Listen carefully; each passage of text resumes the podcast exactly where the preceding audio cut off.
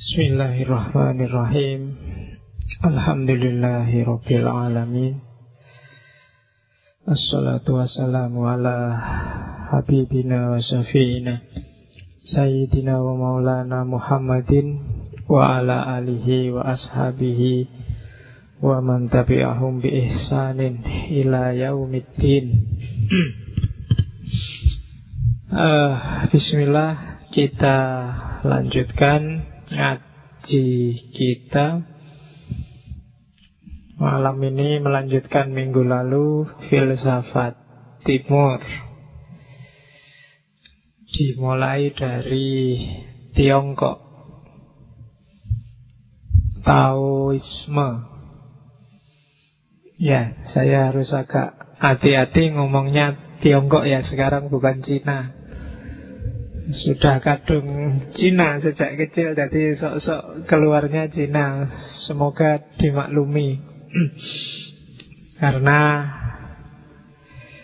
Istilah Cina itu kan Awalnya kayak Dari Barat Untuk menyebut orang-orang Tiongkok. Cina itu Apa ya? Konotasinya merendahkan. Kayak orang Malaysia bilang Indonesia hari ini itu Indon misalnya itu Cina dulu.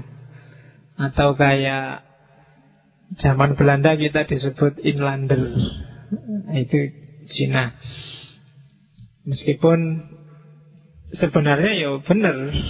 Dalam arti itu kan dari akar kata Jin. Mungkin dinasti terakhir saat itu. Tapi Konotasinya konotasi Agak melecehkan Kayak kamu kan kalau orang Malaysia bilang Indon itu kan manggel. Meskipun yo Indonesia dipotong kan juga Indon juga. Atau kayak kamu bilang Wah dasar Jawa misalnya. Ah, Dasar Batak misalnya. Lo itu bener memang. Memang aslinya Batak. Cuma kan konotasinya nggak enak. Itu sama dengan Cina. Cuma Di Indonesia awalnya dulu sudah benar pakai Tiongkok hanya saja pasca peristiwa G30S itu sekitar 6667 terus istilah Cina populer dan direstui dipopulerkan lagi. Meskipun kemarin 2014 direvisi lagi oleh SBY ya sebut aja Tiongkok biar tidak menyakitkan hati mereka. Oke, jadi mulai sekarang latihan Tiongkok ya. Karena saya lidahnya masih terbiasa Cina Kalau saya ngomong Cina itu tidak melecehkan loh. Ini nadanya nada mesra pokoknya. Bukan nada pelecehan. Ya. Gimana Cin? Oke. Ya. Oke, ya kenapa harus saya mulai dari Cina? Ini ikut sunnahnya Nabi. Jadi utlubul ilma walau bisi meskipun ada yang menafsirkan Sin itu bukan Cina. Cina itu kan memang sebutannya bukan Cina dulu. Tapi Sindu Sindu itu yang dirujuk daerah India Hindustan. Jadi carilah ilmu sampai ke termasuk darat. Karena Hindustan kan dikenal spiritualitasnya tinggi. Puncak-puncak peradaban spiritual adanya di India jadi ada yang menafsirkan Betul ilma walau bisin itu bukan ke Cina Tapi ke India. Tapi ya monggo lah Intinya kan disuruh nyari ilmu sejauh mungkin. Intinya kan cuma itu Apakah itu Cina, apakah itu India, tidak masalah. Yang penting nyari ilmu sebanyak-banyaknya. Oke Bismillah kita awali Taoisme. Bagian dari Filsafat Tiongkok Tiongkok banyak sekali. Bahkan ada di era puncak-puncak peradaban Cina Itu ada istilah sejuta filsafat. Ada era ketika lahir banyak sekali pikiran-pikiran filosofis khas Tiongkok. Yang jelas filsafat Tiongkok punya beberapa karakter. Yang pertama seperti saya bilang minggu lalu, khasnya filsafat timur, termasuk filsafat Jawa, itu harmoni. Jadi hidup yang selaras, hidup yang mapan. Jadi bukan progresivitas, bukan maju dan meraih sesuatu. Tapi mapan dan seimbang. Itu khas timur. Saya bilang minggu lalu DNA-mu karena kamu DNA-nya orang timur, itu lebih mudah untuk hidup harmoni daripada hidup progresif. Kalau sudah mapan, nyaman itu kamu biasanya susah sekali untuk diajak ngapain sudah. Kos itu kalau sudah nyaman meskipun kosnya jelek itu kan pindah aja beratnya luar biasa. Itu sudah DNA. Padahal keluar negeri itu mungkin progres tapi bagi kamu mikirnya bisa berkali lipat karena khawatir kenyamananmu hari ini terusik. Itu khas dunia timur. Kalau disuruh berubah itu lama prosesnya. Itu khas kita. Jadi ciri pertama filsafat Tiongkok sama seperti filsafat timur yang lain mencari keseimbangan dan harmoni. Yang kedua konektivitas. Jadi semua filsafat Cina lagi, filsafat Tiongkok bilang bahwa elemen-elemen hidup, apakah itu biotik atau abiotik di sekelilingmu, itu saling mempengaruhi. Jadi, kondisimu sekarang, apakah itu kondisi fisik maupun kondisi rohani, saling timbal balik dengan lingkungan sekelilingmu. Apakah itu lingkungan manusia yang lain atau alam semesta atau hewan atau tumbuhan. Itu cirinya. Yang itu nanti kan makanya muaranya dia harus harmonis. Kalau kamu hari ini kok pilek, itu pasti ada timbal balik dari lingkungan sekelilingmu. Mungkin karena kamu nggak bersih atau karena kamu selama ini gaya hidupmu kacau, makannya sakar PDW, ya, terus terjadi disharmoni terus kacau. Apa pun yang kamu rasakan hari ini itu timbal balik dari lingkungan elemen-elemen yang ada di sekelilingmu. Kok kamu hari ini galau, bete, sumpek, itu pasti ada sesuatu yang disharmoni. Entah secara mental atau secara fisik. Itu ciri kedua. Tinggal kamu cermati aja. Kalau sudah ketemu penyakitnya diseimbangkan. Misalnya apa wis? Yang bikin kamu paling galau hari ini apa? Berita TV misalnya. Kan?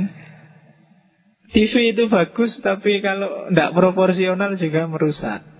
Internet itu bagus tapi kalau nggak proporsional memakainya tidak sesuai kebutuhan juga pasti merusak. Facebook itu bagus kalau makainya nggak proporsional juga pasti ada dampaknya yang nggak bagus. Segala yang berlebihan itu kan pesannya agama kan gitu.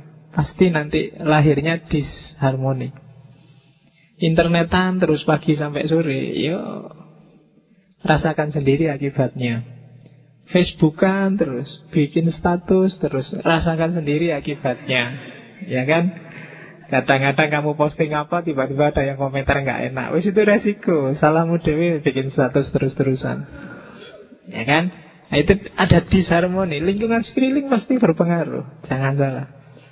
Tiap hari bikin selfie Posting fotomu di Facebook gitu kan. Kamu mau makan semua nge-like.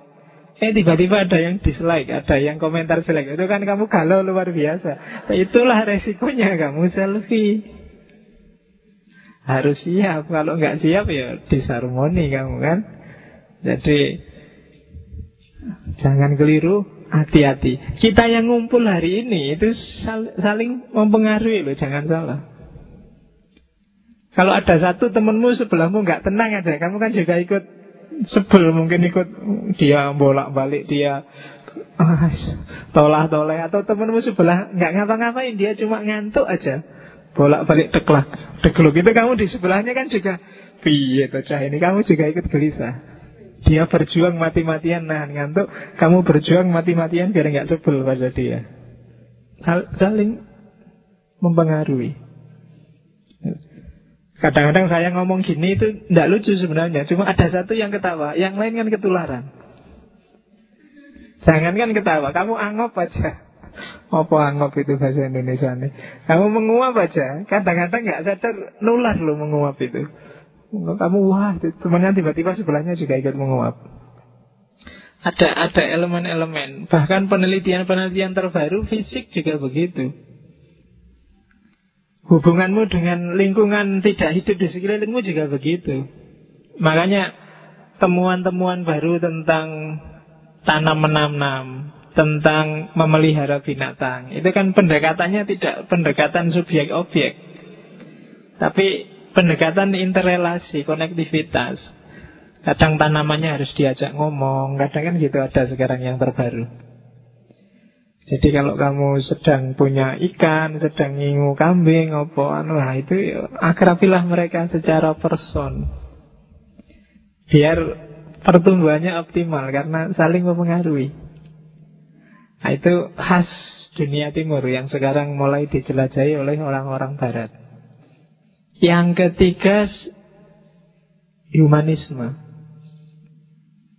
Ada ciri yang agak beda antara humanisme barat dengan humanisme timur. Antroposentrisme barat itu melihat dimensi eksistensial manusia. Tampakan keluarnya apa? Sementara humanisme timur itu lebih melihat esensi kemanusiaan itu apa. Jadi Timur mencari jati diri rohaniah manusia Kalau Barat mencari jati diri jasmaniah Gampang-gampangannya itu Sama-sama humanisme Maka Timur melahirkan peradaban saintifik material yang luar biasa Dan Barat Eh Barat melahirkan peradaban saintifik material Timur melahirkan peradaban yang rohaniah Dan apa ndak ada materialnya? Ada. Cuma yang material ini ngikutin yang rohania.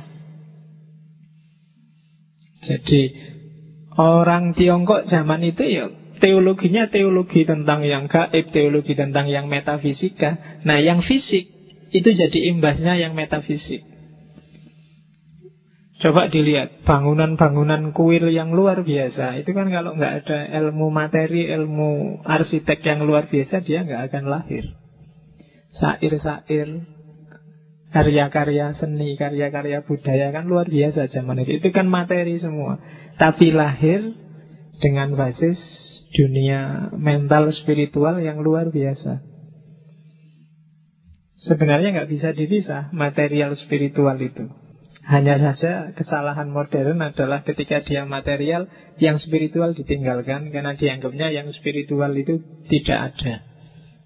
Atau tidak bermakna paling tidak. Nah itu masalah Bagi timur. Karena bagi timur materi itu Akan ngikut pada yang rohani. Kalau rohaninya beres Materinya gampang dikejar. Tapi tidak bisa kebalikannya Orang yang hatinya tentram Itu punya apa saja Uangnya berapa saja Dapat nilai apa saja Dia masih tetap bisa jalan tapi kalau hatimu galau, berapapun banyak uangmu, sebesar apa nilai ujianmu, tetap tidak bikin kamu tentram. Itu cara berpikir timur. Maka harmoni di nomor satukan. Yang keempat, filsafat Tiongkok karakternya adalah pragmatis. Jadi di timur tidak ada sign for sign. Kalau kamu belajar sesuatu, kalau kamu punya ilmu, harus jelas rumusan lakunya. Harus jelas, terus kamu harus ngapain? Harus ada pertanyaan itunya.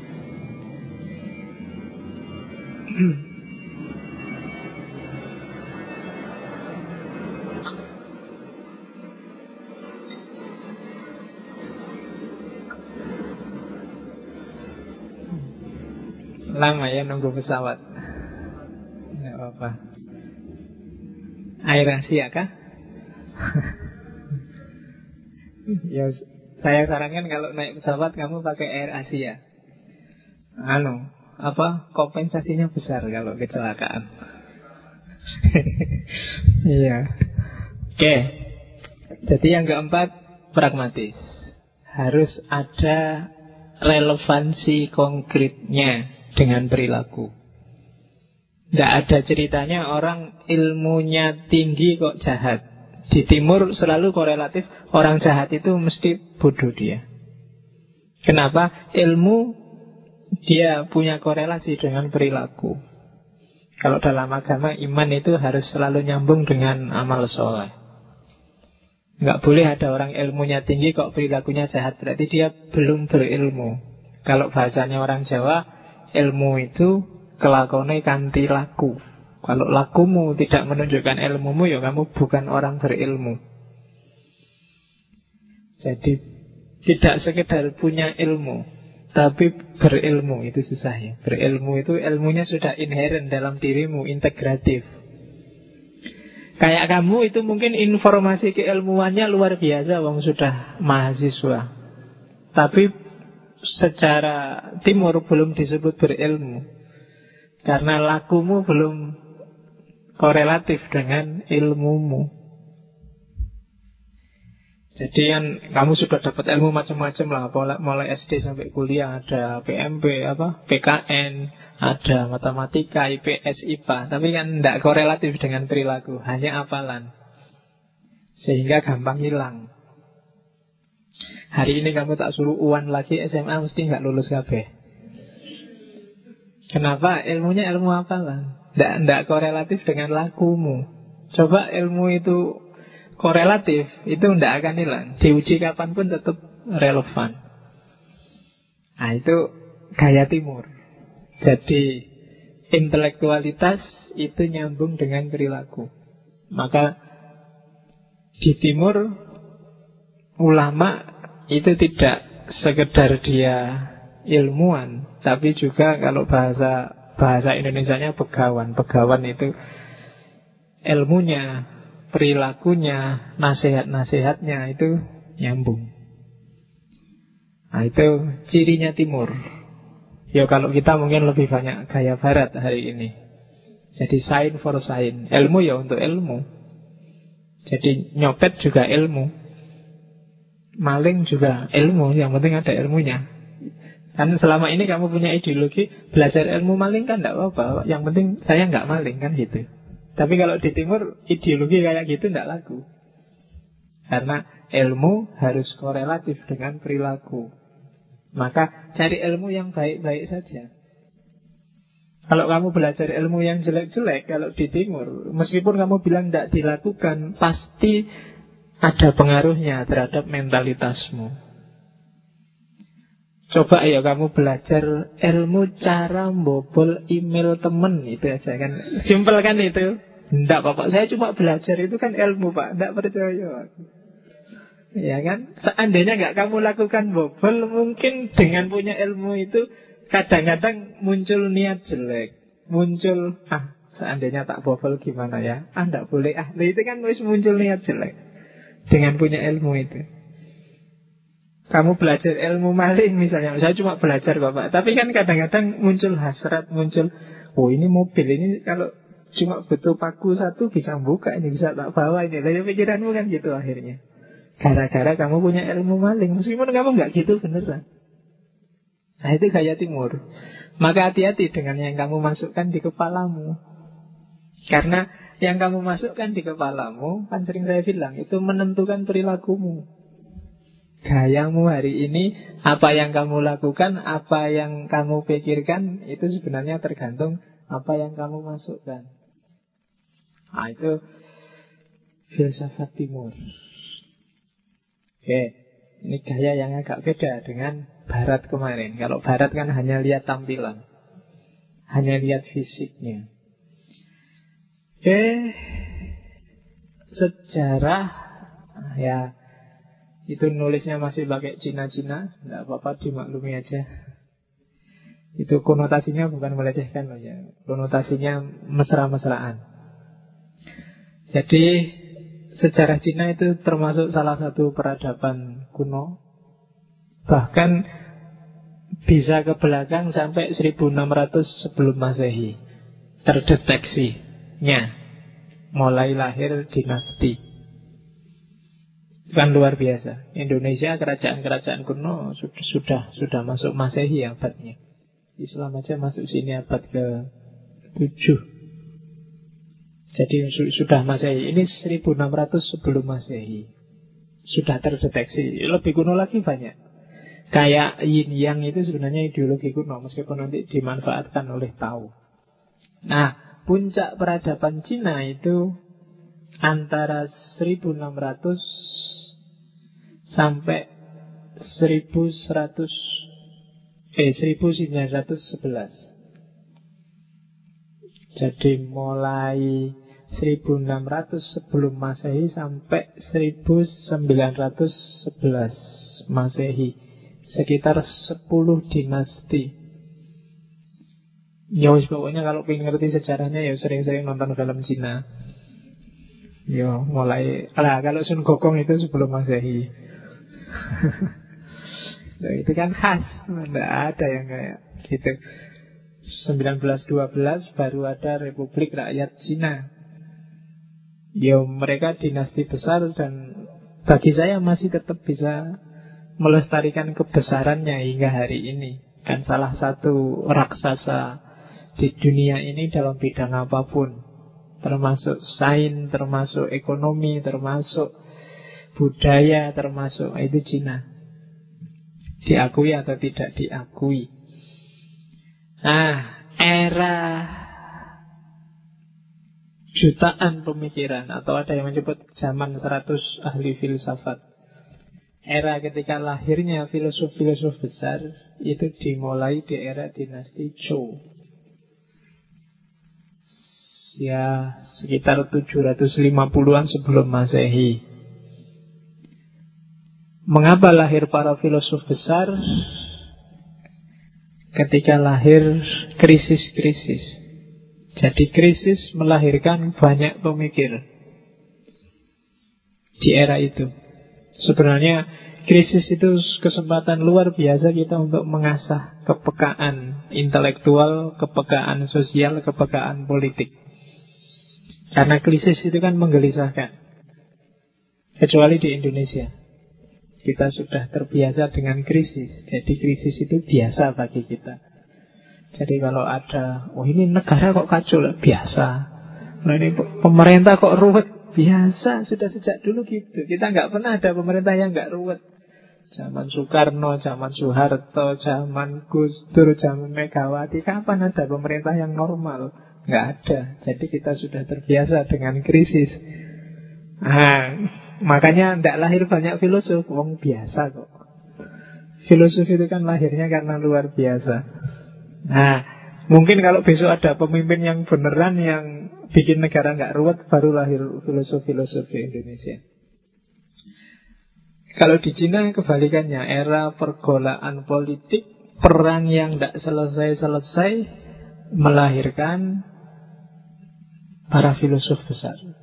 Jumlahnya banyak, makanya disebut zaman ratusan ahli filsafat. Ada yang bilang jutaan filosof. Cuma yang paling besar ada empat aliran. Yang pertama mohisme, yang kedua legalisme, yang ketiga taoisme, yang keempat konfusianisme. Yang hari ini dominan di Tiongkok sebenarnya tiga. Taoisme, Konfusianisme, dan Buddhisme. Yang hidup sampai hari ini dan dominan. Yang sangat mempengaruhi mentalitas sebenarnya konfusianisme Akan kita bahas minggu depan Tapi Taoisme juga hidup Biasanya agak dekat dengan ajaran-ajaran Buddhisme Mohisme, Mosu juga ajaran-ajarannya kelihatannya agak gabung dengan Taoisme kalau hari ini legalisme agak bau konfusianisme karena pencetusnya ahli politik dan pejabat pemerintahan. Cuma untuk Cina kita angkat dua saja Taoisme dan Konfusianisme. Yang Buddhisme nanti ketemu di sumbernya di India. Jadi setelah Cina Taoisme dan Konfusianisme kita kembali lagi ke Barat untuk melanjutkan postmodern. Ini harus diseling-selingi biar kamu nggak terjebak barat atau terjebak timur. Karena kalau terlalu lama di timur nanti lama-lama kamu melupakan realitas hidupmu yang nyata. Tapi terlalu lama di barat kamu melupakan mentalitasmu jadi harus diselang-seling. Oke. Malam ini kita ngomong Taoisme. Pencetusnya Lausu namanya atau Laudan atau Li'al atau Lausi atau Lause. Ya, namanya banyak. Itu sesuai dialeknya. Yo kayak orang Jawa itu loh ada dialek. Banyumas ada dialek. Solo ada Surabaya, ada Banyuwangi Osing itu jadinya gitu dialognya.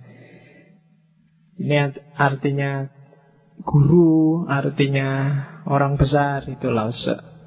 Awalnya dia pejabat pemerintahan Tapi terus melihat gejala-gejala korupsi, gejala-gejala perang yang tidak ada akhirnya Dan runtuhnya kemanusiaan Maka dia terus nyepi Dan menjadi tokoh spiritual kalau di Tiongkok dia adalah maha guru. Di Indonesia mungkin kelas begawan. Bahkan ada yang menganggap dia dewa. Tokoh legendaris.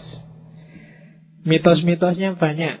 Ada cerita Lausu ini begitu lahir sudah punya jenggot. Iya. Dan kenapa sudah punya jenggot? Karena ada yang bilang Ibunya merasa mengandung lausu itu selama 62 tahun. Sejak dideteksi sampai ini hamil. Nggak lahir-lahir sampai 62 tahun. Jadi tua neng weteng. Sehingga begitu lahir jenggotnya wis. Mitosnya begitu. Yo, saya tidak tahu aslinya, wong saya nggak ikut lihat. Tapi Mungkin itu karena saking kagumnya orang pada kebijaksanaan, kebijaksanaannya Lausu.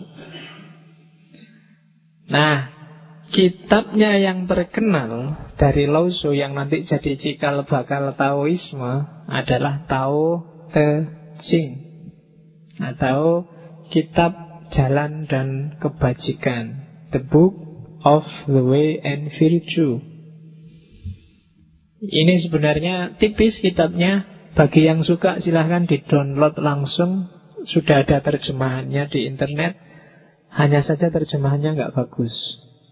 Mungkin karena diterjemah pakai Google Translator. Makanya nanti ada beberapa kutipan tidak saya ambil bahasa Indonesia-nya, tak ambil bahasa Inggrisnya. Belum sempat tak terjemah ke Indonesia. Tao Te itu disusun oleh Lausu ketika dia mau pergi dari istana. Di tengah jalan dicegat oleh sahabatnya, pejabat istana juga namanya Yinsi. Yinsi ini mbok saya ditinggali kebijaksanaanmu untuk jadi pedoman hidup kita bareng-bareng. Akhirnya dia nulis sekitar 5000 karakter Karakter itu tidak sama dengan huruf kalau di Cina karena setiap karakter itu punya makna yang nanti melahirkan Taute Jing disusun selama tiga hari dan itu nanti yang kita jelajahi isinya kitab Taute Jing yang jadi sumbernya Taoisme. Oke, sebelum masuk ke Taoisme perlu dicatat kalau saya ngomong Taoisme itu tidak sama persis dengan agama Tao. Tidak sama persis dengan populer tradisinya Tao, tapi mungkin lebih masuk ke filsafatnya. Karena Tao itu ada agamanya, ada populer tradisinya, ada filsafatnya. Yang populer tradition itu mungkin yang kalian kenal lah. Ada Feng Shui. Nah, rumah harus ngadep ke mana. Enaknya keluar rumah jam berapa. Kalau kamu naruh kamar tidur di depan pintu sehat apa enggak, itu feng shui. Jadi, ya itu punya kalkulasi-kalkulasi sendiri. Kenapa masjid ini rasanya longgar, rasanya nyaman kalau masuk kok nggak sama dengan rumahmu? Padahal ukurannya mungkin sama besarnya. Nah, itu ada pengaruh feng shui, mungkin pintunya, posisinya, dan lain sebagainya. Itu populer tradisinya tahu. Atau mungkin ada yang pernah dengar tai chi. Itu sumbernya juga tahu. Baik yang ilmu tenaga dalam, ilmu silat, ilmu pedang kan ada semua tai chi. Atau pengobatan-pengobatan tradisional gaib. Kalau sering nonton film Cina sing bangsane vampir-vampiran ada jimat ada ah, itu tahu. Ya. Jadi ya kalau di sini pengobatan sinse sinse itu nah, itu tahu. Itu populer tradition. Kita nggak akan menjelajahi itu. Kalau yang tertarik ya silahkan. Bagi yang suka akek, nah itu Belajarlah feng shui, belajarlah tahu nanti ngerti. Cocoknya kamu pakai batu apa? Nggak asal ake. Kalau asal ake, jangan-jangan akeknya itu nggak nyambung sama dirimu, jadi pengaruhnya negatif malahan. Jadi harus belajar. Kamu lahirnya tahun berapa, siomu apa, terus gayamu apa, terus nah, pantasnya pakai batu jenis apa, itu feng shui. Kalau nilaimu jelek terus, jangan-jangan akekmu salah. nggak nyambung sama sama pribadimu. Kamu pakai ake apa harusnya pakai ake apa. Nyari pacar kok nggak dapat dapat, ah, jangan-jangan fungsinya keliru. Kamar kosnya mungkin harus ganti kamu tidak di situ. Ah, itu feng shui. Ada yang sebagai agama. Termasuk di kuil kan ada kuilnya sendiri yang tahu. Ini tokohnya. Ini lukisan sangat terkenal tentang Lausu jadi waktu dia keluar dari istana itu dia naik kerbau. Dan ilustrasinya seperti itu. Tokoh-tokoh besar tahu mungkin pernah dengar Chuangzi itu muridnya yang paling terkenal. Ahli filsafat dari Tao itu Chuangzi atau Zhang Sangfong. Mungkin ada yang pernah lihat Tai Chi Master Meskipun itu fiksi, tapi yang diceritakan bukan fiksi. Dia ahli bela dirinya tahu. Dia yang menemukan Tai Chi Chuan. Jadi ahli bela diri biasanya kayak orang pakai tenaga dalam.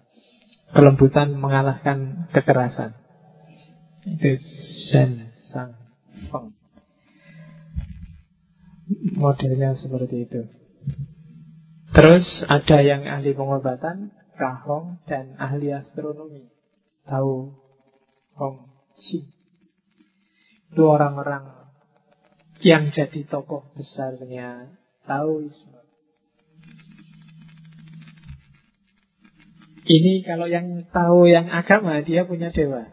Namanya Taisang Lauju. Dewa tertingginya agama tahu. Nah, yang bawa kipas. Yang suka nonton Sun Gokong pasti ketemu orang ini. Ya. Oke. Jadi ciri khasnya dewanya Taoisme. Jadi jangan salah, itu bukan fiksi kamu nonton film itu, itu dewanya, agamanya. Oke. Yang bawa kipas ada gambarnya Yin Yang. Oke, kita masuk ke filsafatnya sekarang. Saya nggak bahas agamanya ya, jadi nggak kita nggak akan sibuk dengan ritual-ritualnya Taoisme. Kita masuk ke kitabnya Tao Te Ching. Apa sih tahu sejak tadi toa tahu itu? Apa tahu itu? Kamu kenal Cao, tahu nggak kenal? Tahu adalah tidak bisa didefinisikan. Kalau kamu baca tahu tejing, tidak bisa kamu mendefinisikan. Tidak ada definisinya. Susah ya terus. Kalau ini yang tak tulis di situ tahu adalah itu hasil penelitian Ya para ilmuwan setelah baca-baca, oh berarti tahu itu itu. Itu kesimpulan mereka. Tapi tidak terdefinisikan. Kalau ada orang tanya, tahu itu apa? Tidak ada definisinya. Jalani aja hidupmu apa adanya. Nanti kamu akan ngerti sendiri apa itu tahu. Itu kan membingungkan.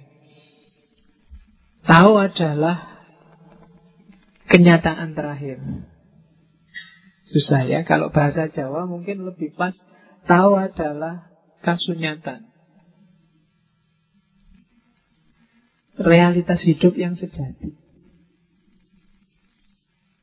Itu tahu. Realitas hidup yang sejati itu kan tidak bisa dipikir, tidak bisa digambarkan, tidak bisa kamu reka-reka. Selalu dia melampaui apa yang kamu pikir. Itu realitas. Kasunyatan.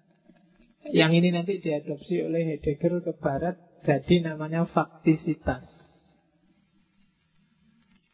Hidup kita itu kan berhadapan dengan kasunyatan. Bukan kamu yang nyetir, tapi kasunyatan yang nyetir. Kamu pinginnya malam hari ini ngajinya kayak gimana, tapi ketemunya cuma kayak gini. Itu kasunyatan. Atau kamu merasa Allah ngaji mesti ngantuk. Begitu, eh ternyata nggak ngantuk. Itu kasunyatan. Bukan kamu yang nyetir. Dulu waktu kecil cita-citamu jadi pilot, jadi dokter, jadi apalah. Tapi begitu lu kuliah kok UIN, usuluddin, mesti tidak bisa. Itu kasunyatan. Nah ya kan masuk usuluddin jadi pilot ya dalane sekondi. Jadi realitas hidup yang sejati yang harus kamu hadapi. Kalau digambarkan nanti ketemunya kayak penggambaran tentang Tuhan. Meliputi segala sesuatu, mendasari segala sesuatu, mengatasi segala sesuatu. Kalau dipersonifikasikan kasunyatan itu jadinya Tuhan. Itu yang membedakan agama-agama timur yang disebut agama bumi oleh beberapa ilmuwan dan agama-agama formal agama wahyu. Agama-agama timur jarang mempersonkan yang kamu sebut Tuhan. Kalau agama formal semua dipersonkan. Ada sosok tertentu. Kalau di timur enggak. Kayak tahu ini kan. Dia meliputi segala sesuatu, dia mendasari segala sesuatu, melampaui segala sesuatu. Dan gara-gara dialah realitas ini ada. Bahkan dia sendiri adalah dasar dari realitas itu. Itulah tahu. Dijelaskan nggak bisa. Kamu jalani dan rasakan aja. Hujan itu juga kasunyatan. Kamu nggak mikir kan tadi mau hujan, eh tiba-tiba hujan. Itu faktisitas yang harus kamu hadapi. Bukan kamu kan yang kontrol, bukan kamu yang ngatur, tapi ada yang ngatur. Jalanmu malam ini berarti harus berhadapan dengan hujan. Tahu. Yang secara harfiah artinya jalan. Jalan alam semesta dan jalan kehidupan manusia. Yang helm dan jaketnya di luar harus diambil. Karena kalau enggak helmmu jadi ceduk nanti. Oke, ya. Jadi secara harfiah tahu itu artinya jalan. Jalan alam semesta, jalan hidupnya manusia dan jalan dari kenyataan yang sejati. Itulah tahu. Nah, ini jangan ditanyakan. Definisi tepatnya apa? Dia tidak bisa didefinisikan. Hanya bisa dipahami dengan cara apa? Direct experience. Dengan cara huduri, pengalaman langsung. Kalau kamu ingin merasakan tahu, hiduplah yang benar, jalani hakikatmu sebagai manusia yang benar. Kamu akan mendapatkan tahu. Jadi itu yang pertama. Oke, jalan yang kayak gimana sih? Tahu itu di Tao Te Ching dijelaskan untuk kamu kenal tahu, tempuhlah jalan alami. Jalan alami itu mirip jalannya air. Jadi air itu kan dia selalu patuh pada karakter alaminya dia. Hujan ini kan termasuk bukti analogis dari tahu. Air itu kan selalu adaptif. Dia tidak pernah menolak takdir yang dijatuhkan pada dirinya. Kadang-kadang dia dikasih teh, dikasih gula, jadilah teh. Terus diminum, dia tidak pernah memberontak. Nasibnya baik dia diminum. Atau ada yang jadi hujan nanti masuknya ke got. Ada yang di kamar mandi nasibnya agak jelek. Dia takdirnya harus. Tapi nggak memberontak. Dia ngerti jalannya memang harus seperti itu. Padahal dia kuat luar biasa loh. Kalau dia mau, alam semesta bisa hancur oleh kekuatannya. Masih ingat tsunami, masih ingat banjir. Tapi kalau terjadi banjir dan macam-macam itu bukan karena dia. Dia hanya ikut takdirnya. Karena kamu yang menebangi pohon, maka lahirlah banjir. Alam jadi tidak harmonis. Jadi air dia kuat tapi luas dan mau menerima takdir dirinya. Ciri pertama. Ciri kedua, air itu jernih dan tenang. Tidak ada air kotor. Yang ada air yang dikasih kotoran. Air yang dikotori. Tidak ada air cemar. Yang ada air yang dicemari. Semua makhluk hidup katanya tahu Dasarnya adalah jernih dan tenang Termasuk manusia tidak ada manusia jelek, tidak ada manusia rusak. Yang ada adalah manusia yang dirusak atau merusak dirinya sendiri. Nah itu tahu. Oke, jadi analoginya air. Nanti di banyak bait yang ada di tahu tejing itu cerita tentang dahsyatnya, luasnya kuatnya dan jernihnya air. Termasuk bermanfaatnya air. Oke. Masuk. Kita tinggalkan air biar hujannya nggak terlalu deras. Sekarang masuk ke manusia. Yang mumpung pas pas ngomong air kan airnya banyak. Sekarang ganti sekarang ngomong manusia. Oke. Gimana sih cara hidup manusia yang berpola air itu? Yang pertama adalah ikuti jalanmu secara alamiah. Maka kunci pertama untuk menjalankan tahu adalah kenali dirimu yang sejati Siapa kamu?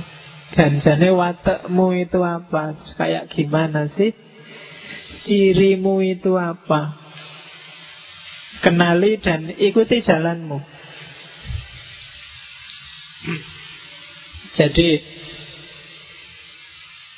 Orang yang kenal dirinya dan mengikuti jalannya, hidupnya akan stabil. Tidak akan gampang protes, nggak gampang galau, nggak gampang ngamuk. Kalau sukses dia nggak terlalu seneng, kalau gagal dia nggak terlalu sumpek. Kenapa? Karena dia tahu itu sudah jalannya. Jalannya wis ngono arep piye meneh. Yang penting kamu sudah melakukan sesuai jalanmu. Kuliah saya sudah belajar Pak. Wong tugasnya mahasiswa itu belajar. Saya sudah ngumpulin semua tugas yang diperintahkan. Dan ujian juga sudah mati-matian garap. Jalanku sudah ketumbuh Hasilnya Wallahu alam bisawab. Silahkan kasunyatan yang ngatur. Lulus ya memang wis dalane ngono. Ndak lulus ya memang dalannya gitu. Itu tahu. Kok nilainya jelek mungkin jalannya harus melalui nilai jelek. Baru ada sesuatu yang lain yang akan lahir. Jangan dipaksa. Jangan nilai jelek terus ngamuk-ngamuk terusan. Atau jangan nilai jelek terus, ah besok nggak belajar lagi. Biar aja. Yang penting jalanmu sudah kamu tempuh. Itu gayanya tahu. Punya pacar kok putus, ya mungkin jalannya memang harus gitu. Yang penting kan kamu sudah melakukan yang harus kamu tempuh. Dan tidak melakukan yang jangan ditempuh. Pokoknya kan kamu sudah SMS, sudah antar jemput, sudah mention tiap hari, sudah. Nah, Urusan selanjutnya kok putus? Wallahu alam bisawab Biar Allah yang ngatur. Itu jalan. Jadi Ikuti jalanmu Kalau sukses Jangan sombong, wong itu bukan karyamu. Realitas yang menggiring kamu jadi sukses Kalau gagal, jangan putus asa Itu juga bukan karena dirimu. Tapi realitas yang membawa kamu jadi gagal. Mungkin dengan gagal itu ada target selanjutnya yang akan lahir kalau tidak melewati gagal, tidak akan lahir yang sudah diatur skenario-nya oleh kasunyatan. Yang kalau dalam Islam kan kita menyebutnya Allah. Banyak kan orang yang gara-gara gagal terus jadi luar biasa. Untung kamu kemarin putus, coba nggak putus, kamu nggak kumlot mesti kuliahnya. Nah itu kan Untung kamu nggak punya pacar Untung kamu kemarin nggak lulus kuliah Coba kamu lulus Kamu nggak ketemu sama dosen yang ini misalnya Kamu, kamu harus ngulang dan dengan ketemu dosen ini kamu dapat sesuatu yang berguna untuk hidupmu besok. Itu yang ngatur kasunyatan. Jadi jangan dipaksa. Jangan memaksa realitas untuk bunyi sesuai kehendakmu. Biarkan realitas membunyikan dirimu agar harmoni dengan lingkungan sekelilingnya. Itu gaya tahu. Itu tidak gampang. Kamu harus pinter identifikasi diri. Oke ya. Jadi itu jalan manusia. Sudah ada garisnya di langit. Menurut tahu. Setiap orang punya jalannya sendiri-sendiri. Tempuhlah jalan itu. Tidak usah peduli hasilnya. Kalau orang banyak, kenapa harus ngaji? Ngaji aja. Hasilnya kamu ngaji bertahun-tahun kok nggak pinter-pinter ya nggak apa-apa. Yang penting ngaji. Urusan hasil walau alam bisa. Wong yang belajar serius juga nggak pinter-pinter kok. Banyak. Biar aja. Yang penting tetap kamu belajar. Pinter itu takdir tapi sungguh-sungguh belajar itu ikhtiar. Ikhtiar itu berarti menempuh jalan. Jadi sukses itu takdir. Tapi rajin dan males itu ikhtiar. Nah itu kombinasi antara Qadariyah dan Jabariyah. Jadi harus harus kamu tegaskan itu Nggak semuanya takdir Nggak semuanya takdir rusak. Hidup ini kan itu kayak zamannya Kemarin tak ceritain zamannya Umar bin Khattab Ada maling dipukuli orang sak kampung dia Lu ini kan takdir kok saya dipukuli Jalanku kan maling memang, takdirku maling. Wong saya maling kok dipukuli. Terus Umar kan nggak mau kalah dijawab loh. Aku mukuli kamu ini juga takdir. Takdirku sekarang mukuli kamu, jadi kamu jangan komplain kalau dipukuli. Itu sebenarnya wilayah ikhtiar memang. Gitu loh. Kamu tidak bisa ngontrol hasil Ikhtiarmu maling Bisa sukses Maling bisa nggak sukses Kalau nggak sukses ya ketemu orang banyak dan dipukuli Jadi hasil bukan kita yang kontrol, tapi jalan. Kalau nggak kepingin dipukuli ya jangan maling kan itu aja. Masing-masing ada jalannya. Itulah jalannya manusia. Ah ini simbol paling terkenal dari Tao. Jadi yin yang, dualitas, dualisme. Alam semesta ini selalu sifatnya berpasangan. Dan pasangan-pasangan ini harus ada demi keseimbangan. Kalau tidak, yang lahir adalah ketidakseimbangan. Dalam hal apa pun. Bedanya sama Barat, kalau barat melihat dualitas itu konflik. Tapi kalau timur melihat dualitas itu komplementer. Kalau barat, mungkin karena kamu terpengaruh barat, melihat benar dan salah, siang dan malam, baik dan buruk, apalagi indah dan tidak indah, itu sesuatu yang konflik. Kalau bagi tahun, enggak. Itu bukan sesuatu yang konflik yang saling kalah mengalahkan, tapi saling komplementer.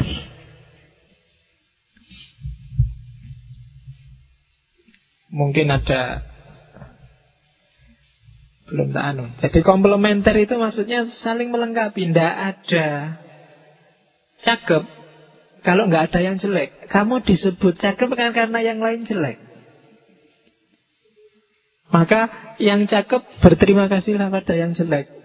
Terima kasih ya kamu jelek, akhirnya saya yang cakep. Loh ya kan? Loh kalau podo kafe cakep kafe ya ndak ada cantik, ndak ada buruk. Ada baik, pasti ada buruk. Karena lahirnya kebaikan itu dari ketika keburukan eksis. Komplementari kontraris. Komplementer. Yin dan yang. Lembut dan keras. Kamu harus punya sisi lembut juga punya sisi keras. Kalau kamu punya yang saja Keras saja Hidupmu tidak akan seimbang. Mungkin kamu umur-umur berapa sudah kena penyakit jantung. Atau lembut saja juga tidak akan seimbang. Ya mungkin umur-umur berapa kamu sudah darah rendah, lemes, sudah harus seimbang, kamu bisa marah tapi juga bisa lembut, bisa sabar. Di momen tertentu kamu juga harus marah, meskipun marahnya juga tidak kebablasan. Marah yang diimbangi oleh kelembutan, oleh kesabaran. Jadi dualitas dalam hidup harus muncul dan seimbang. Kalau enggak, yang lahir adalah kebingungan dan kekacauan. Harus ada yang pinter, tapi juga harus ada yang tidak pinter. Kalau pinter semua justru bumi ini rusak. Coba aja. Kalau semua pinter terus pingin jadi dokter kabeh rusak wis. Semuanya pingin jadi dokter pasiennya siapa? Kalau pinter filsafat filosof kabeh apa meneh? Tiap hari gue kiran debat filsafat terus tambah rusak dunianya. Ya kan? Pinter semua jadi arsitek semua Yang dari tukang batu ndak ada. Yang ngangkut-ngangkut ndak ada. Ndak. Dunia harus komplementari kontraris. Antara variabel yang bertentangan Itu saling mengisi, saling melengkapi. Dari situlah nanti dunia berputar. Jadi Kalau ada yang jelek, kalau ada yang buruk Itu semua skenario dari kasunyatan Biar, biar dunia ini seimbang Misalnya apa wis kamu baca cerita coba baca-baca Ramayana apa Mahabharata atau nonton sinetronnya. Itu kan adanya Rahwana, Duryudana itu kan melahirkan banyak sekali kebijaksanaan-kebijaksanaan. Mahabharata itu kan pembersihan besar-besaran Karena memang manusia secara umum sudah rusak zaman itu Itu kan ideologinya orang Hindu Harus ada semacam perang dunia untuk membersihkan yang jelek-jelek Dan itu kalau tidak ada Duryodhana dan kawan-kawan, skenario ini nggak akan jalan. Kalau nggak ada Abu Jahal, Abu Lahab dan kawan-kawan, skenario kemuliaan seorang Nabi Muhammad juga tidak akan jalan. Jadi kom komplementari kontraris, saling melengkapi. Kalau nggak ada kafir ya ndak ada Muslim, wong kafir wis Islam. Kan Allah sendiri bilang kan, kalau saya mau, kalau aku mau, seluruh dunia jadi Muslim kabeh mukmin semua. Tapi kan Allah bikin skenario sendiri biar dunia ini seimbang dan berputar, dinamis. Itulah yin yang Ya kamu sendirilah yang yang ngerti variabel-variabel hidupmu. Kadang-kadang terlalu yin atau terlalu yang, maka cepet-cepet bikin keseimbangan. Baik fisik maupun mental. Oke. Nah, itu filosofi pertama yang sangat terkenal. Filosofi kedua namanya Wu Wei.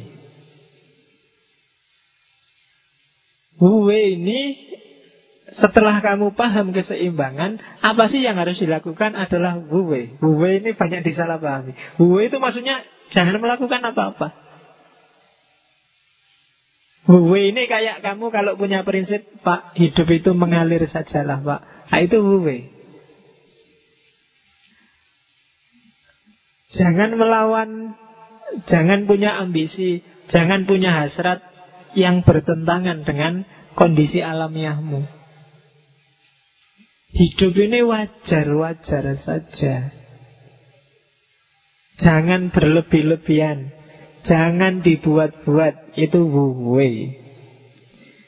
Tidak berbuat arti harafiahnya. Jadi Karep kita kan banyak. Keinginan kita kan banyak. Cita-cita kita kan banyak. Kita hidup jalan kan berdasarkan keinginan ini. Cuma pilahlah jangan berlebih-lebihan. Seperti yang tak bilang tadi loh. Makan itu penting. Tapi hasrat makanmu harus dibatasi, jangan dibuat-buat, jangan jangan semau-maunya, jangan sak karepmu dewe. Harus ada titik kamu jangan makan lagi. Jadi titik-titik alamiah dalam hidupmu yang kamu bisa mendeteksi. Oh ini sudah keterlaluan. Oh ini sudah berlebihan. Tidak ada barang berlebihan itu yang bagus. Ibadah aja kalau berlebihan kan jelek. Apalagi yang bukan ibadah. Apalagi cuma makan. Apalagi pacaran, apalagi termasuk ngaji ini kalau berlebihan kan jelek. Wah, saya sedang semangat ngaji nih Pak. Gimana kalau selesainya jam 12? Oh, itu kan mantep memang luar biasa wong barang baik. Tapi tidak natural. Kalau nggak natural, hasilnya pasti tidak maksimal. Jadi ukur kekuatanmu sendiri. Kenapa kamu harus bisa ngukur dalam rangka apa? Keseimbangan dirimu sendiri dalam rangka yin yang tadi loh. Kalau kamu salah takar, kamu akan sakit.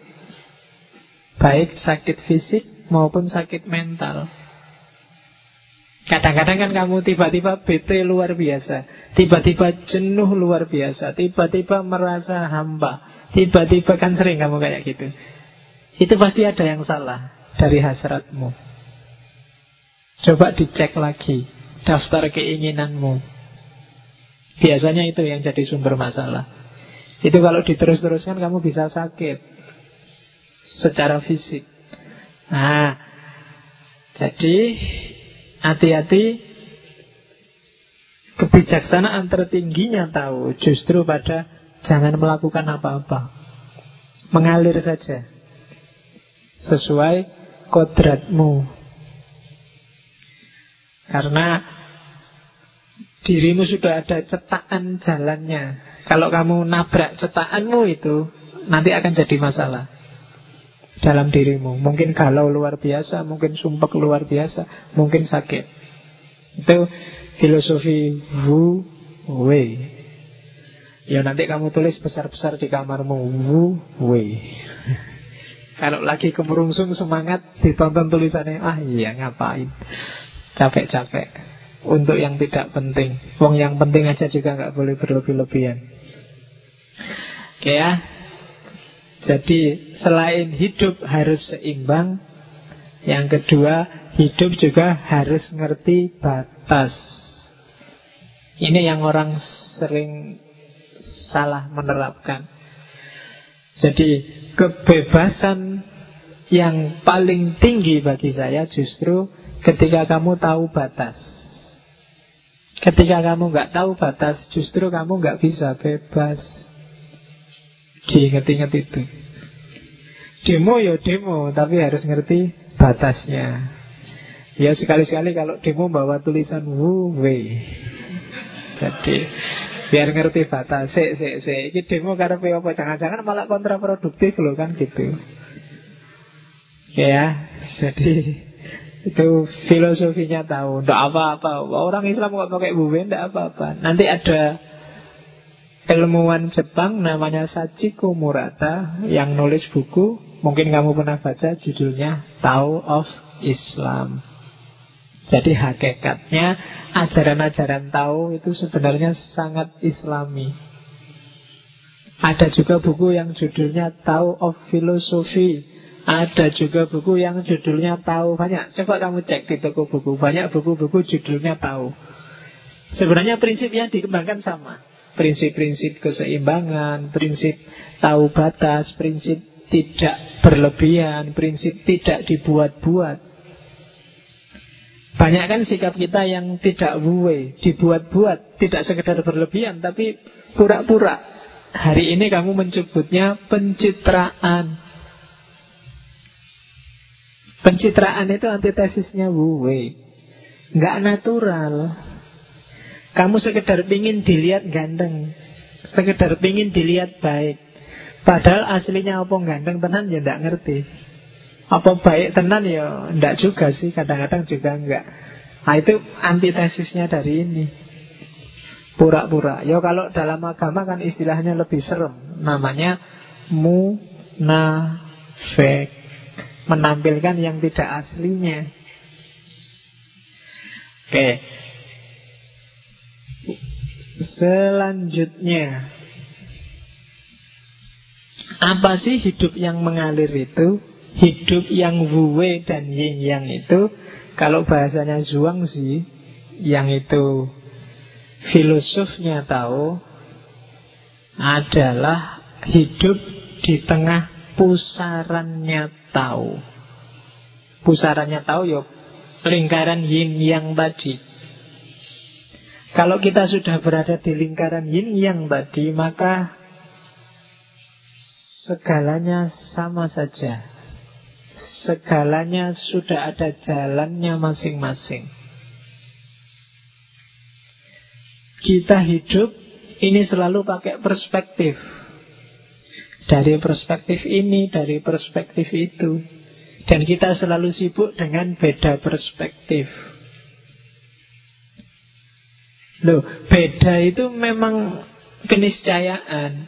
Pasti ada perbedaan. Dan kita juga ada di salah satu titik yang beda-beda itu. Cuma melihat perbedaan Jangan dari dalam. Lihatlah perbedaan itu dari luar Maka kamu akan ngerti bahwa Sebenarnya Perbedaan-perbedaan itu sama saja Secara hakiki Jadi Berada di pusaran tahu itu maksudnya gini Kalau ini dunia Kamu kan ada di dalamnya Ketika kamu ada hidup di dalam dunia ini kan berhadapan dengan banyak sekali beda-beda. Jangan berhenti di situ. Naiklah agak jauh dari dunia, lihatlah ke bawah. Oh iya ya, sebenarnya orang itu ada di kancah yang sama meskipun dia beda-beda. Itu maksudnya berada di pusaran tahu. Kalau kamu sudah bisa agak ngambil jarak kemudian melihat, maka kamu nggak akan dipengaruhi lagi oleh perbedaan-perbedaan. Kamu akan ngerti, oh iya, dia gayanya kayak gini karena memang konteks hidupnya kayak gitu. Yang ini gayanya kayak gini karena memang konteks hidupnya kayak gini. Kayak terus. Itu kamu bisanya dari luar. Makanya para sufi itu di antara nasihatnya yang pertama untuk kita kenal diri kita sendiri, pertama-tama orang harus uzlah. Uzlah itu bukan melarikan diri dari dunia Tapi mengambil jarak dari dunia. Kalau sudah mengambil jarak Kamu akan ngerti yang sejati. Kalau masih campur Masih di kancah perbedaan Kamu tidak akan tahu Yang asli yang mana, yang baik yang mana Yang benar yang mana. Harus ada jarak Dari realitas. Itu berada di pusaran tahu. Ya kan? Kalau kamu nempel kan nggak tahu. Kalau Wajahmu tempelkan di karpet ini Kamu nggak akan tahu karpet ini merah apa hitam Badiknya kayak gimana kan nggak ngerti. Cantik dan jelek itu kan kalau ada jarak. Kalau kamu nempel Sama pacarmu misalnya Itu kan cantik. Nggak cantik bodoh Ya kan? Nggak kelihatan, nggak ada bedanya. Orang jelek itu kan hanya ketika ada jarak. Makanya kalau pacaran jangan deket-deket Biar kelihatan cantiknya atau kelihatan jeleknya. Kalau terlalu dekat sudah tidak akan tidak akan jernih lagi karena kamu ada di kancah perbedaan. Jadi berada di pusaran tahu. Makanya hati-hati kalau pacarmu sudah bilang kamu adalah matahariku. Ya karena atau yang cowok bilang pada pacarnya Kamu adalah rembulanku. Nah, Alamat itu sudah. Karena jaraknya matahari sama bumi itu berapa? Berarti minta putus. Oke.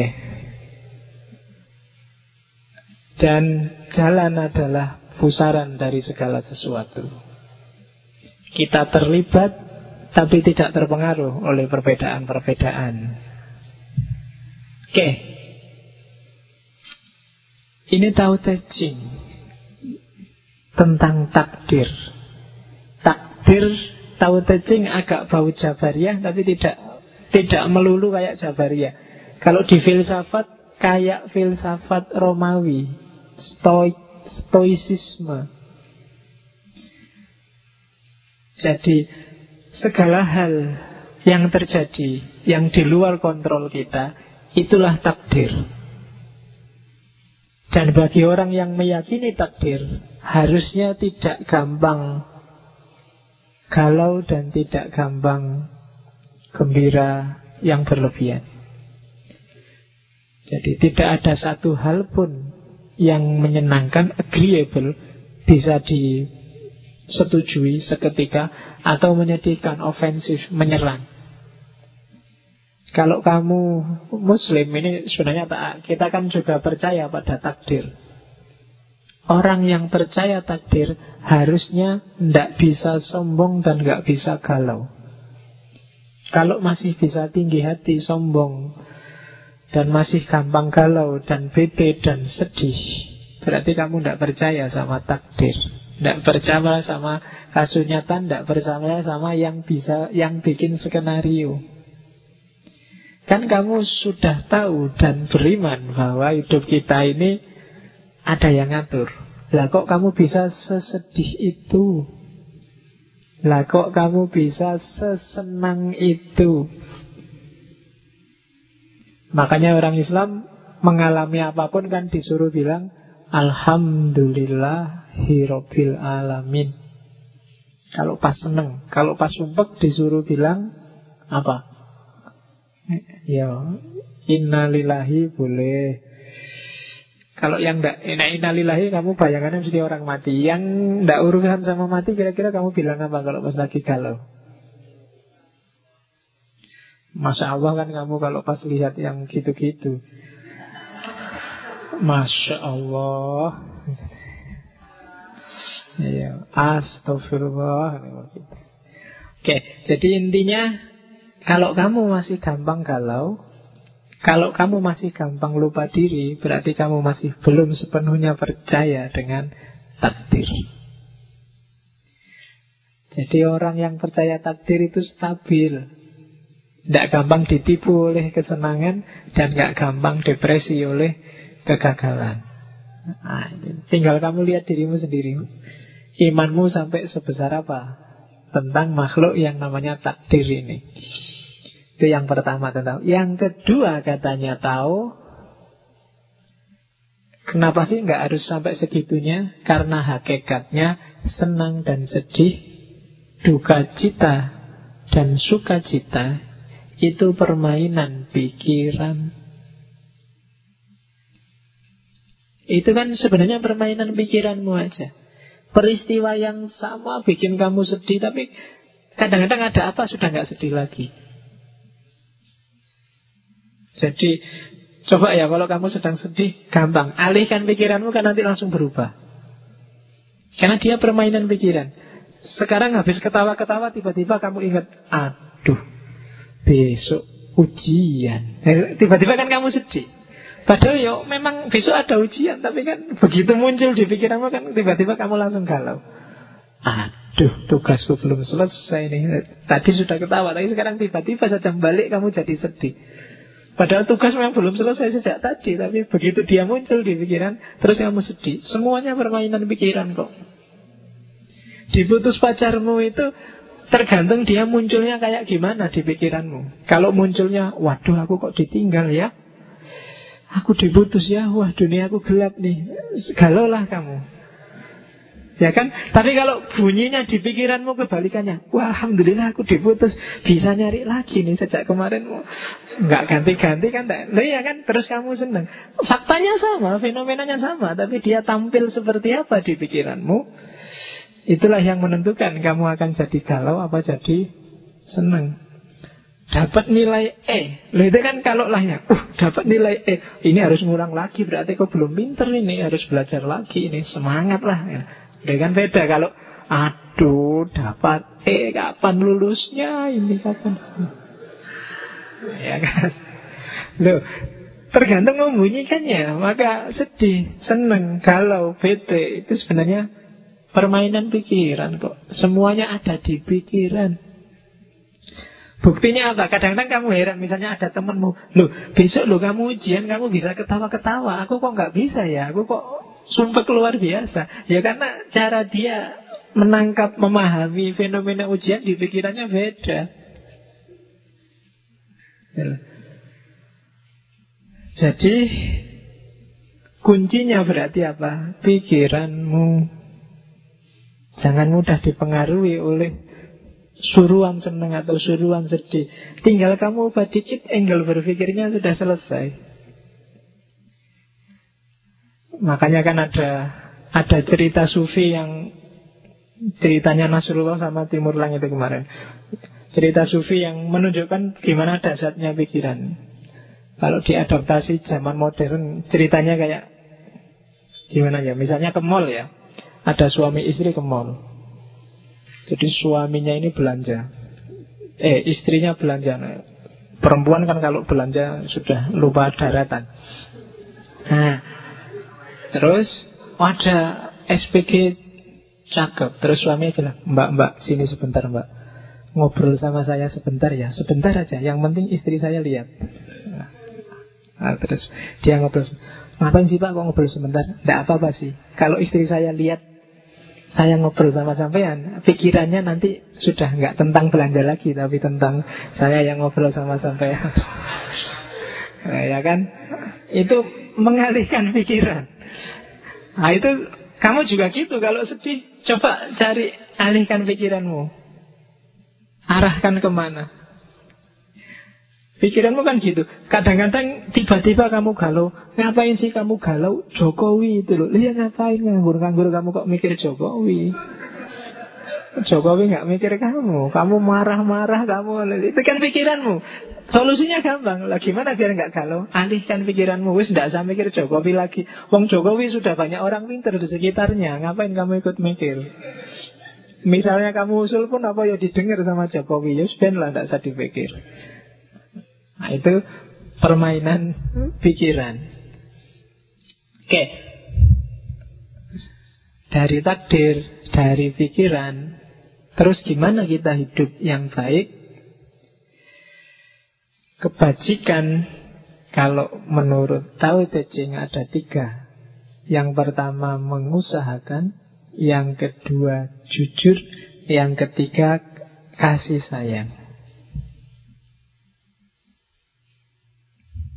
Jadi kalau kamu ingin jadi orang baik, perhatikan tiga hal ini. Yang pertama, berusahalah setiap hari untuk berbuat baik pada orang lain. Jangan pertama-tama mikir dirimu. Bukan apa-apa, karena kalau misimu adalah berbuat baik pada orang lain, otomatis kamu akan membereskan dirimu sendiri. Kalau kamu ingin sodakoh pada orang lain, langkah pertama kan kamu harus punya uang dulu. Kalau kamu ingin menghibur orang lain, untuk bisa menghibur kan kamu harus tentram dulu. Apa bisa kamu yang galau menghibur orang? Tapi kalau misinya hanya dirimu sendiri, ujungnya egois. Mungkin kamu tentrem, tapi keberadaanmu bisa menyusahkan orang. Tapi kebajikan itu adalah T. T itu artinya tiga itu. Yang pertama mengusahakan, yang kedua jujur, yang ketiga kasih sayang. Jadi misimu harus tidak untuk dirimu sendiri. Karena ketika misimu untuk orang lain Otomatis dirimu sendiri juga beres. Kalau sekedar untuk dirimu ya tidak menjamin Yang lain juga kena imbas kebajikanmu. Tugu Yang kedua jujur. Jangan dibuat-buat Jangan dibikin-bikin. Kalau ingin bantu, yang jujur, yang suci, yang ikhlas. Kalau dalam agama tanpa pamrih. Harus lurus, harus jenis. Straight itu jujur. Apa adanya. Tanpa basa-basi. Dan yang ketiga, head, kasih sayang, compassion. Jadi satu-satunya pamrih yang boleh adalah karena kamu sayang. Yang lain enggak. Di luar pamrih sayang biasanya sudah pamrih yang tidak jujur, pamrih yang tidak lurus, yang tidak apa adanya. Dan mengusahakan jujur kasih sayang itu ya jadi landasan perilaku namanya kebajikan. Dan orang yang hidupnya secara penuh dikontrol oleh ini, dikontrol oleh ingin memberi kebaikan pada orang lain. Kejernihan dirinya, kejujurannya, dan kasih sayangnya, itu nanti dia yang disebut manusia agung, Sengzen. Dan manusia yang bisa kayak ginilah nanti yang bisa mengalami namanya perfect happiness kebahagiaan yang sempurna. Bukan kebahagiaan yang sementara dan temporer. Itu rumusnya tahu. Jadi hiduplah untuk orang lain secara jujur dengan landasan kasih sayang.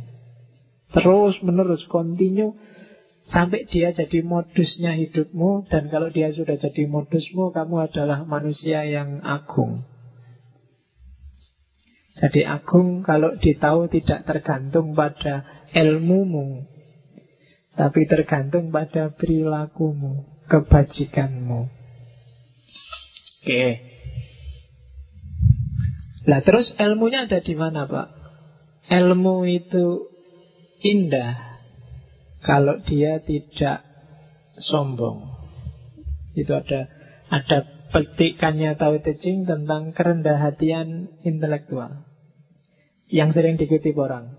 Kalimat pertama, mereka yang tahu tidak lagi berbicara.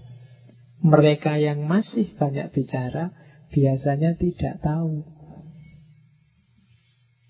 Hati-hati ya, berarti yang masih cerewet, sering ngomong, sering ngajak debat dan diskusi, itu biasanya dia belum yakin dengan kebenarannya sendiri. Tapi orang yang sudah yakin dengan kebenarannya biasanya sudah tenang, diem. Wis aku wis ngerti sing bener kok. Selesai. Hati-hati. Jadi kecuali mungkin yang pekerjaannya komentator. Nah, komentator kan mau nggak mau harus ngomong terus. Kan kita komentator kan tidak straight, tidak jujur karena itu pekerjaan, itu tuntutan peran, pencitraan. Tapi dalam praksis laku hidup sehari-hari, orang yang sudah tahu itu biasanya tidak banyak omong. Yang banyak omong yang belum tahu, apalagi yang tahunya setengah-setengah, itu cerewetnya luar biasa mesti. Karena ilmunya masih setengah. Kayak kamu baru belajar filsafat setengah kan biasanya gatel untuk ngomong macam-macam yang bau filsafat. Ya, jadi para kiai, para ulama yang sudah yakin dengan ilmunya sendiri itu biasanya kan cenderung tidak banyak omong.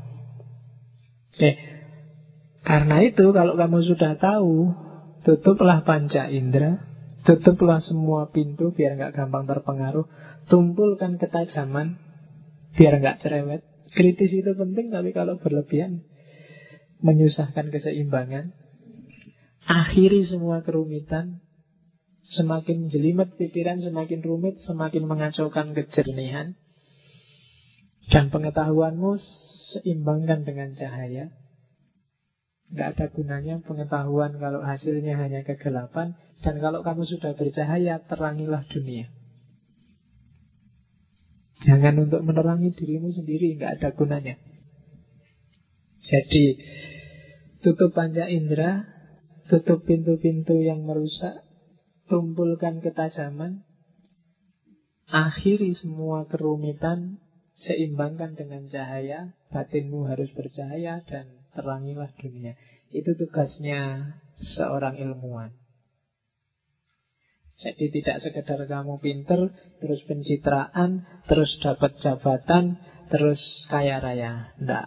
Tugasnya seorang ilmuwan itu kalau dia sudah tahu, tidak cerewet, tidak gampang dipengaruhi, tidak sok, tumpulkan ketajaman itu kan berarti jangan sok.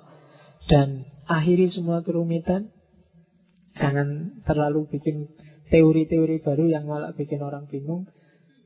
Ya kan? Jan-jane sing diomong podo tapi gengsi terus bikin teori baru yang ruwet-ruwet. Nah itu akhiri semua kerumitan, seimbangkan dengan cahaya dan terangilah dunia. Nah, itu tugasnya seorang intelektual. Kita kan sedikit banyak termasuk intelektual. Ya kalau inteleknya nggak ada ya tinggal inteleknya saja tidak apa-apa. Oke. Etika. Sebenarnya kebajikan tadi bagian dari etika cuma perlu tak kutip sedikit. Itu fase yang penting. Gimana caranya bikin dunia ini seimbang dan harmonis. Yang pertama, terhadap orang yang berbuat padaku, berbuat baik padaku, aku seorang baik. Terhadap yang berbuat tidak baik kepadaku, aku tetap seorang baik sehingga seluruhnya menjadi baik. Terhadap yang jujur padaku, aku seorang jujur. Terhadap yang tidak jujur kepadaku, aku tetap seorang jujur. Sehingga seluruhnya menjadi jujur. Jadi berbuat baik, berbuat jujur itu tidak boleh bersyarat. Harus jujur ya jujur. Baik ya baik, tidak boleh. Kalau kamu baik padaku ya aku baik padamu. Tapi kalau kamu curang ya aku curang. Nah, Itu namanya bukan berbuat baik Tapi dagang. Kamu minta balasan yang sama. Tidak Berbuat baik bukan transaksi Ah kamu kemarin ngomong jelek tentang aku kan? Sekarang aku cuek padamu lah. Nah itu namanya transaksi. Kamu ngomong jelek atau ngomong baik Tetap aku akan baik padamu. Itu etika. Kalau enggak yang terjadi dagang. Nanti balas-balasan terus. Kamu kemarin ngomong jelek Sekarang aku enggak mau ngomong padaku. Ah, Kamu enggak mau ngomong enggak paten Aku juga enggak mau teman sama kamu Terus. Akan ada rangkaian perbuatan jelek pada akhirnya Nanti akhirnya kayak film India Simbahnya balas dendam bapaknya Bapaknya balas dendam anaknya Anaknya yang balas dendam cucunya Tidak selesai-selesai. Kalau ada orang tidak jujur, terus kamu tidak jujur, yang selanjutnya pasti tidak jujur juga. Kebohongan, yang selanjutnya pasti kebohongan lagi. Maka biar seluruhnya jadi jujur, biar seluruhnya jadi baik, kebaikan dan kejujuranmu harus tanpa syarat. Nah itu baru disebut orang baik, baru disebut perilaku yang etis, etika. Oke, selanjutnya, nah ini yang tadi cabang populer, yang fisik. Tadi kan ngurusi yang batin. Nah, yang fisik kalau katanya tahu kuncinya energi fisik itu ada pada namanya Ji. Ji itu manifestasinya ada pada nafas, udara. Nah, itu jadi dirimu itu selain fisik yang bisa disentuh, ada medan energi namanya Ji. Dan ini harus seimbang. Mana bagian tubuhmu yang sakit, itu pasti di situ medan energinya nggak seimbang. Harus diseimbangkan. Ya, makanya kalau Sehari ini kan ada cabang-cabang pengelolaan Ji Ada model Reiki, ada model yoga, ada model meditasi Itu sebenarnya ngopeni yang fisiknya jadi selain medan jasmaniah jasad materi Dalam diri kita ada sisi-sisi energi. Ah, bagi yang gampang sakit, gampang masuk angin Diperkuat energinya. Yo pakai gaya kita sendiri nggak harus pakai kayak Jet Li itu atau kayak Jet Li kan modelnya enggak ritualnya pakai milik kita sendiri tapi tetap untuk memperkuat medan energi. Kalau di sana punya meditasi kan kita punya tahajud kita punya tafakur kita punya muhasabah. Kalau tidak percaya sekali-sekali ya kamu. Kalau kedinginan, misalnya lupa bawa jaket, yang paling simpel adalah tarik nafas, tahan nafas beberapa lama, keluarkan pelan-pelan, nanti badanmu mesti hangat. Coba aja kalau nggak percaya.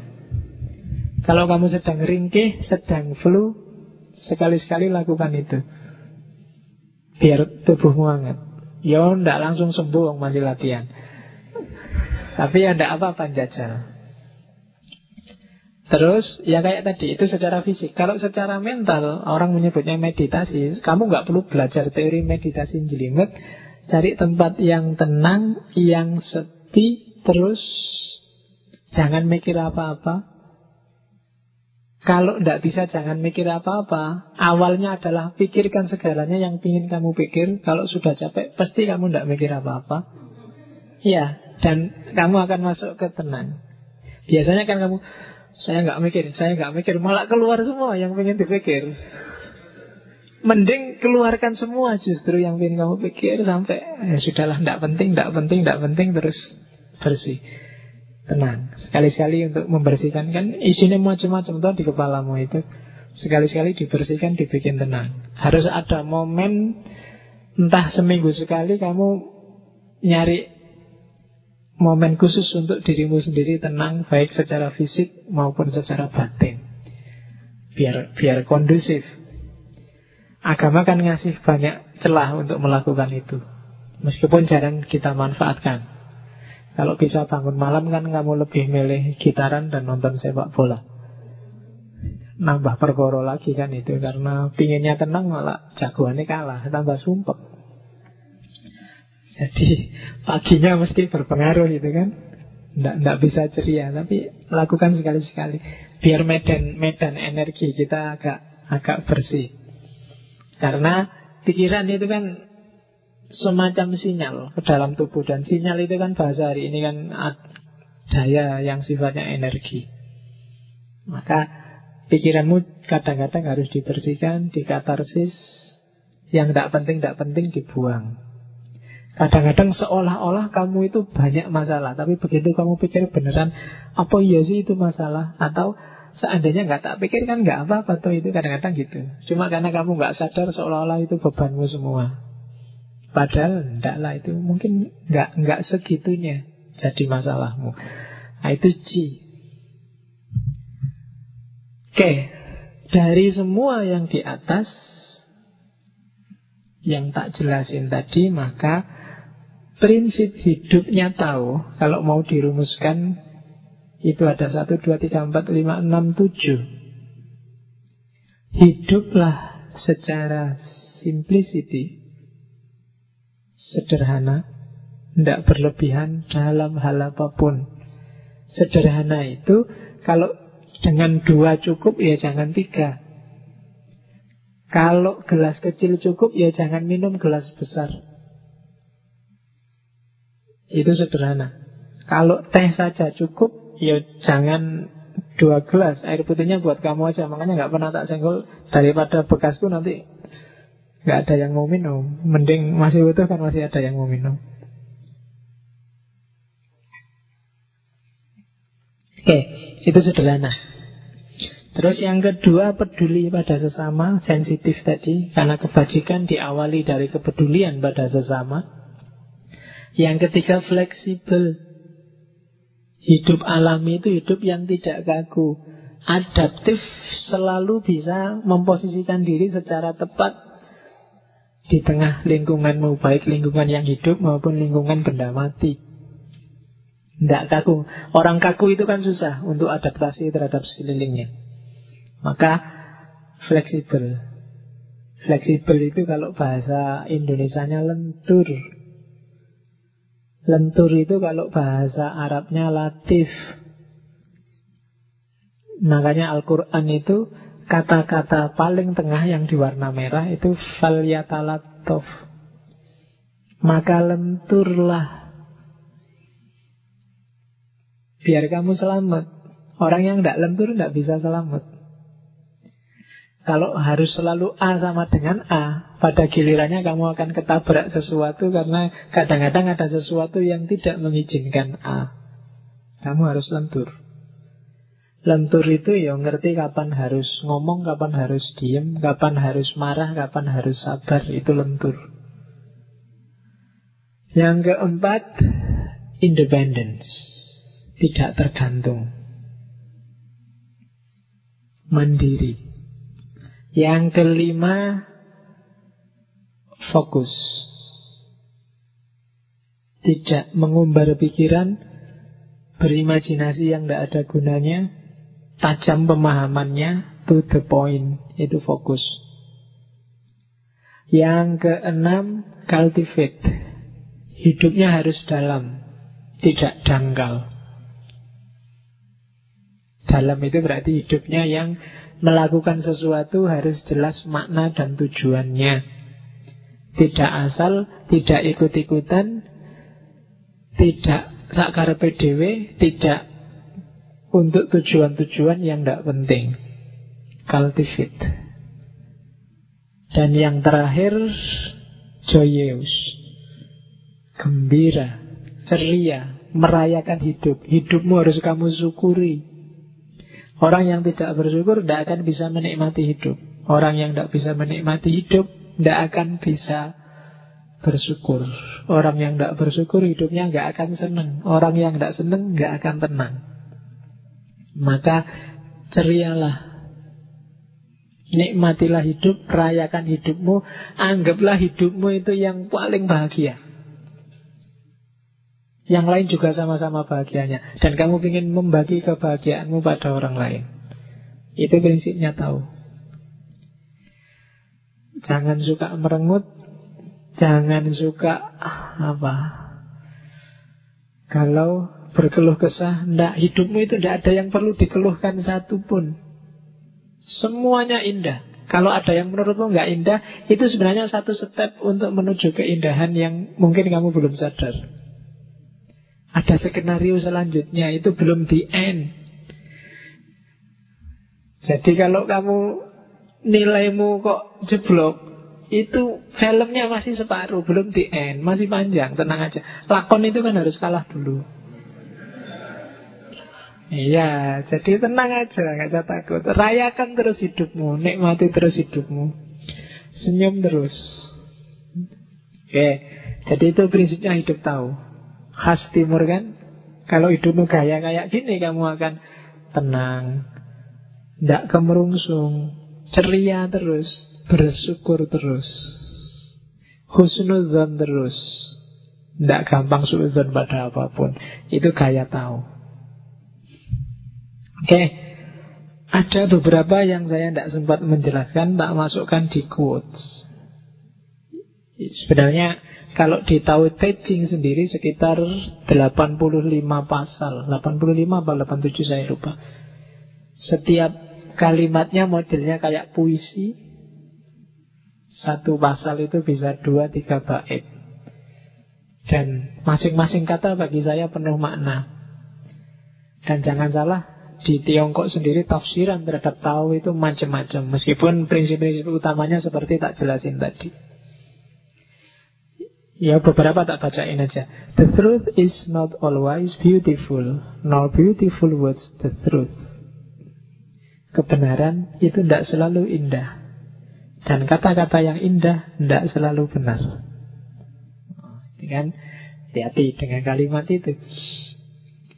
A man with outward courage dares to die. A man with inner courage dares to live orang yang beraninya hanya keluar, berani sama orang lain, berani sama itu. Itu orang ini biasanya berani mati. Tapi orang yang berani menghadapi dirinya sendiri adalah orang yang berani hidup. Hmm, kamu, yo dua-duanya tidak apa-apa. Tapi paling tidak kamu harus berani hidup. Uang kenyataannya sekarang kamu hidup. Hmm. Iya, bagi saya lebih penting berani hidup daripada berani mati. Nggak gampang loh, berani mati gampang. Kamu tinggal berangkat ke Irak apa Suriah, cepet. Ya kan? Tapi berani hidup nggak gampang. The wise man is one who knows what he does not know. Orang bijaksana itu bukan yang ilmunya sangat banyak, Justru kebalikannya, orang bijaksana adalah orang yang tahu apa yang dia nggak tahu. Ya, saya nggak ngerti tentang astronomi, saya nggak ngerti tentang matematika, saya nggak ngerti.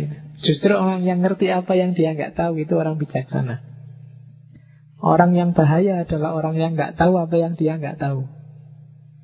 Ya kan?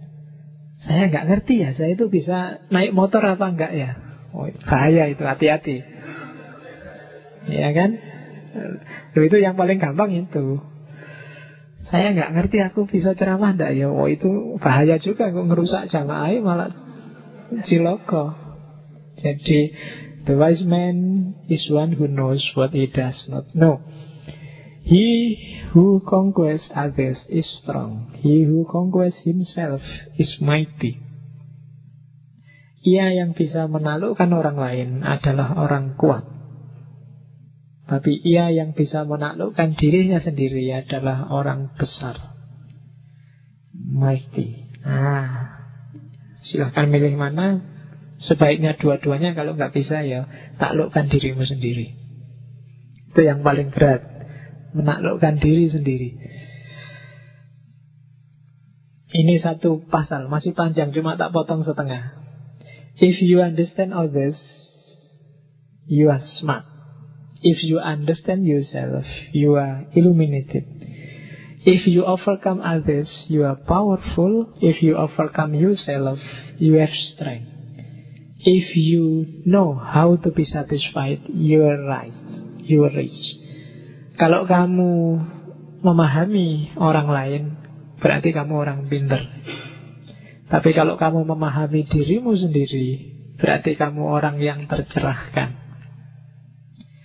Kalau kamu menaklukkan orang lain, berarti kamu orang yang kuat. Tapi kalau kamu menaklukkan dirimu sendiri, berarti kamu orang yang tangguh. Strength. Itu kan beda. If you know how to be satisfied, you are rich. Kalau kamu tahu gimana caranya untuk puas, maka kamu orang kaya.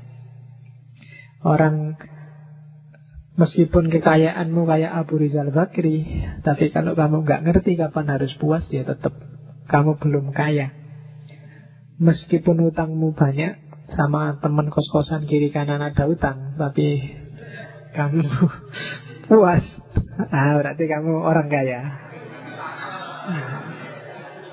Oke, jadi harus tahu, harus ngerti puas. Orang yang ngerti puas, orang yang kaya dan orang yang mau bersyukur. Orang yang tidak tahu puas, pasti orang yang tidak mau bersyukur.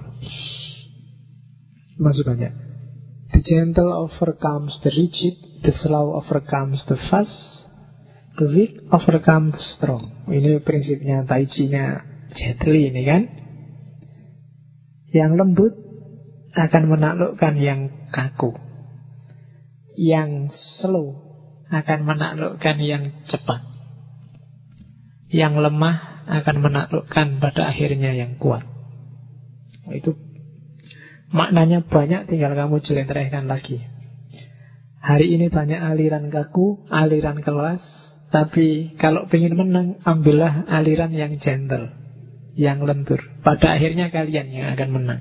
Karena kaku, keras itu pasti tidak akan bisa adaptif terhadap perubahan. Yang tidak adaptif terhadap perubahan pasti akan tergilas oleh zaman. Karena zaman berubah. Atau dia pura-pura tidak berubah padahal sebenarnya berubah. Jadi the gentle overcome the rigid. The slow overcome the fast. Dalam banyak kasus yang jalannya pelan-pelan pada akhirnya nyampe tujuan dengan sukses. Yang cepat sampai tujuan rusaknya juga cepat. Dalam banyak cerita, maka hati-hati. Oke, okay. the master's power is like this. He lets all things come and go effortlessly without desire. He never expects result, thus he is never disappointed. He is never disappointed, thus his spirit never grows old. Kekuatan seorang master, seorang guru, orang besar, itu kayak gini loh. Kok mereka tangguh luar biasa? Karena mereka membiarkan segalanya, melakukan segalanya, apa adanya, tanpa dibumbui hasrat-hasrat, keinginan-keinginan, ambisi-ambisi. Dia nggak pernah mikir hasilnya apa. Karena itu dia nggak pernah kecewa. Orang yang kecewa itu kan ketika dia punya karep, punya hasrat, punya ambisi, dan beda dengan hasil, maka dia kecewa. Tapi orang yang tidak mikir hasil, dia tidak akan bisa kecewa. Itu yang bikin para guru, para kiai, para ulama itu kelihatan besar dan tangguh.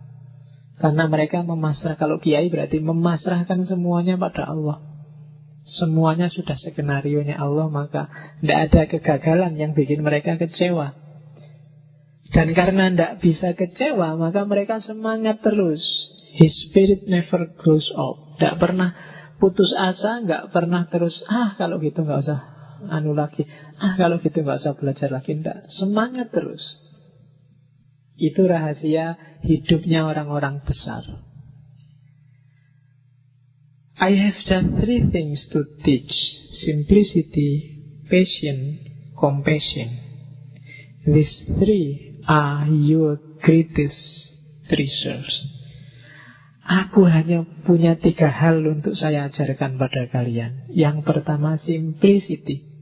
Hidup apa adanya, sederhana. Kesabaran, dan kasih sayang. Compassion.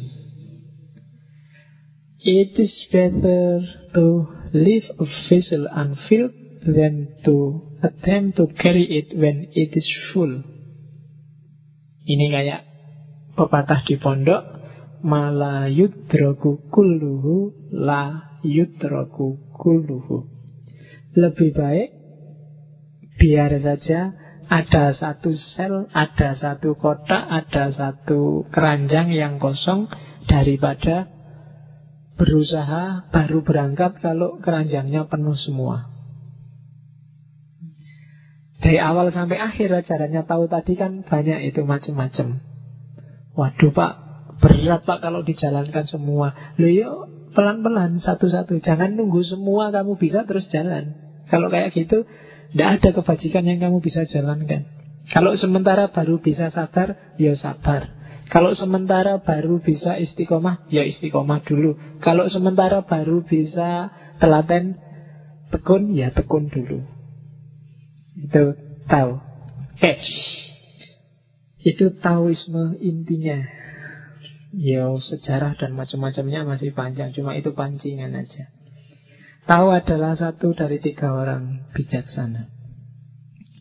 Kalau orang Cina melihat cara melihat kehidupan itu ada tiga tipe. Ada tipe Konfusius, ada tipe Buddha, ada tipe Lao Tse.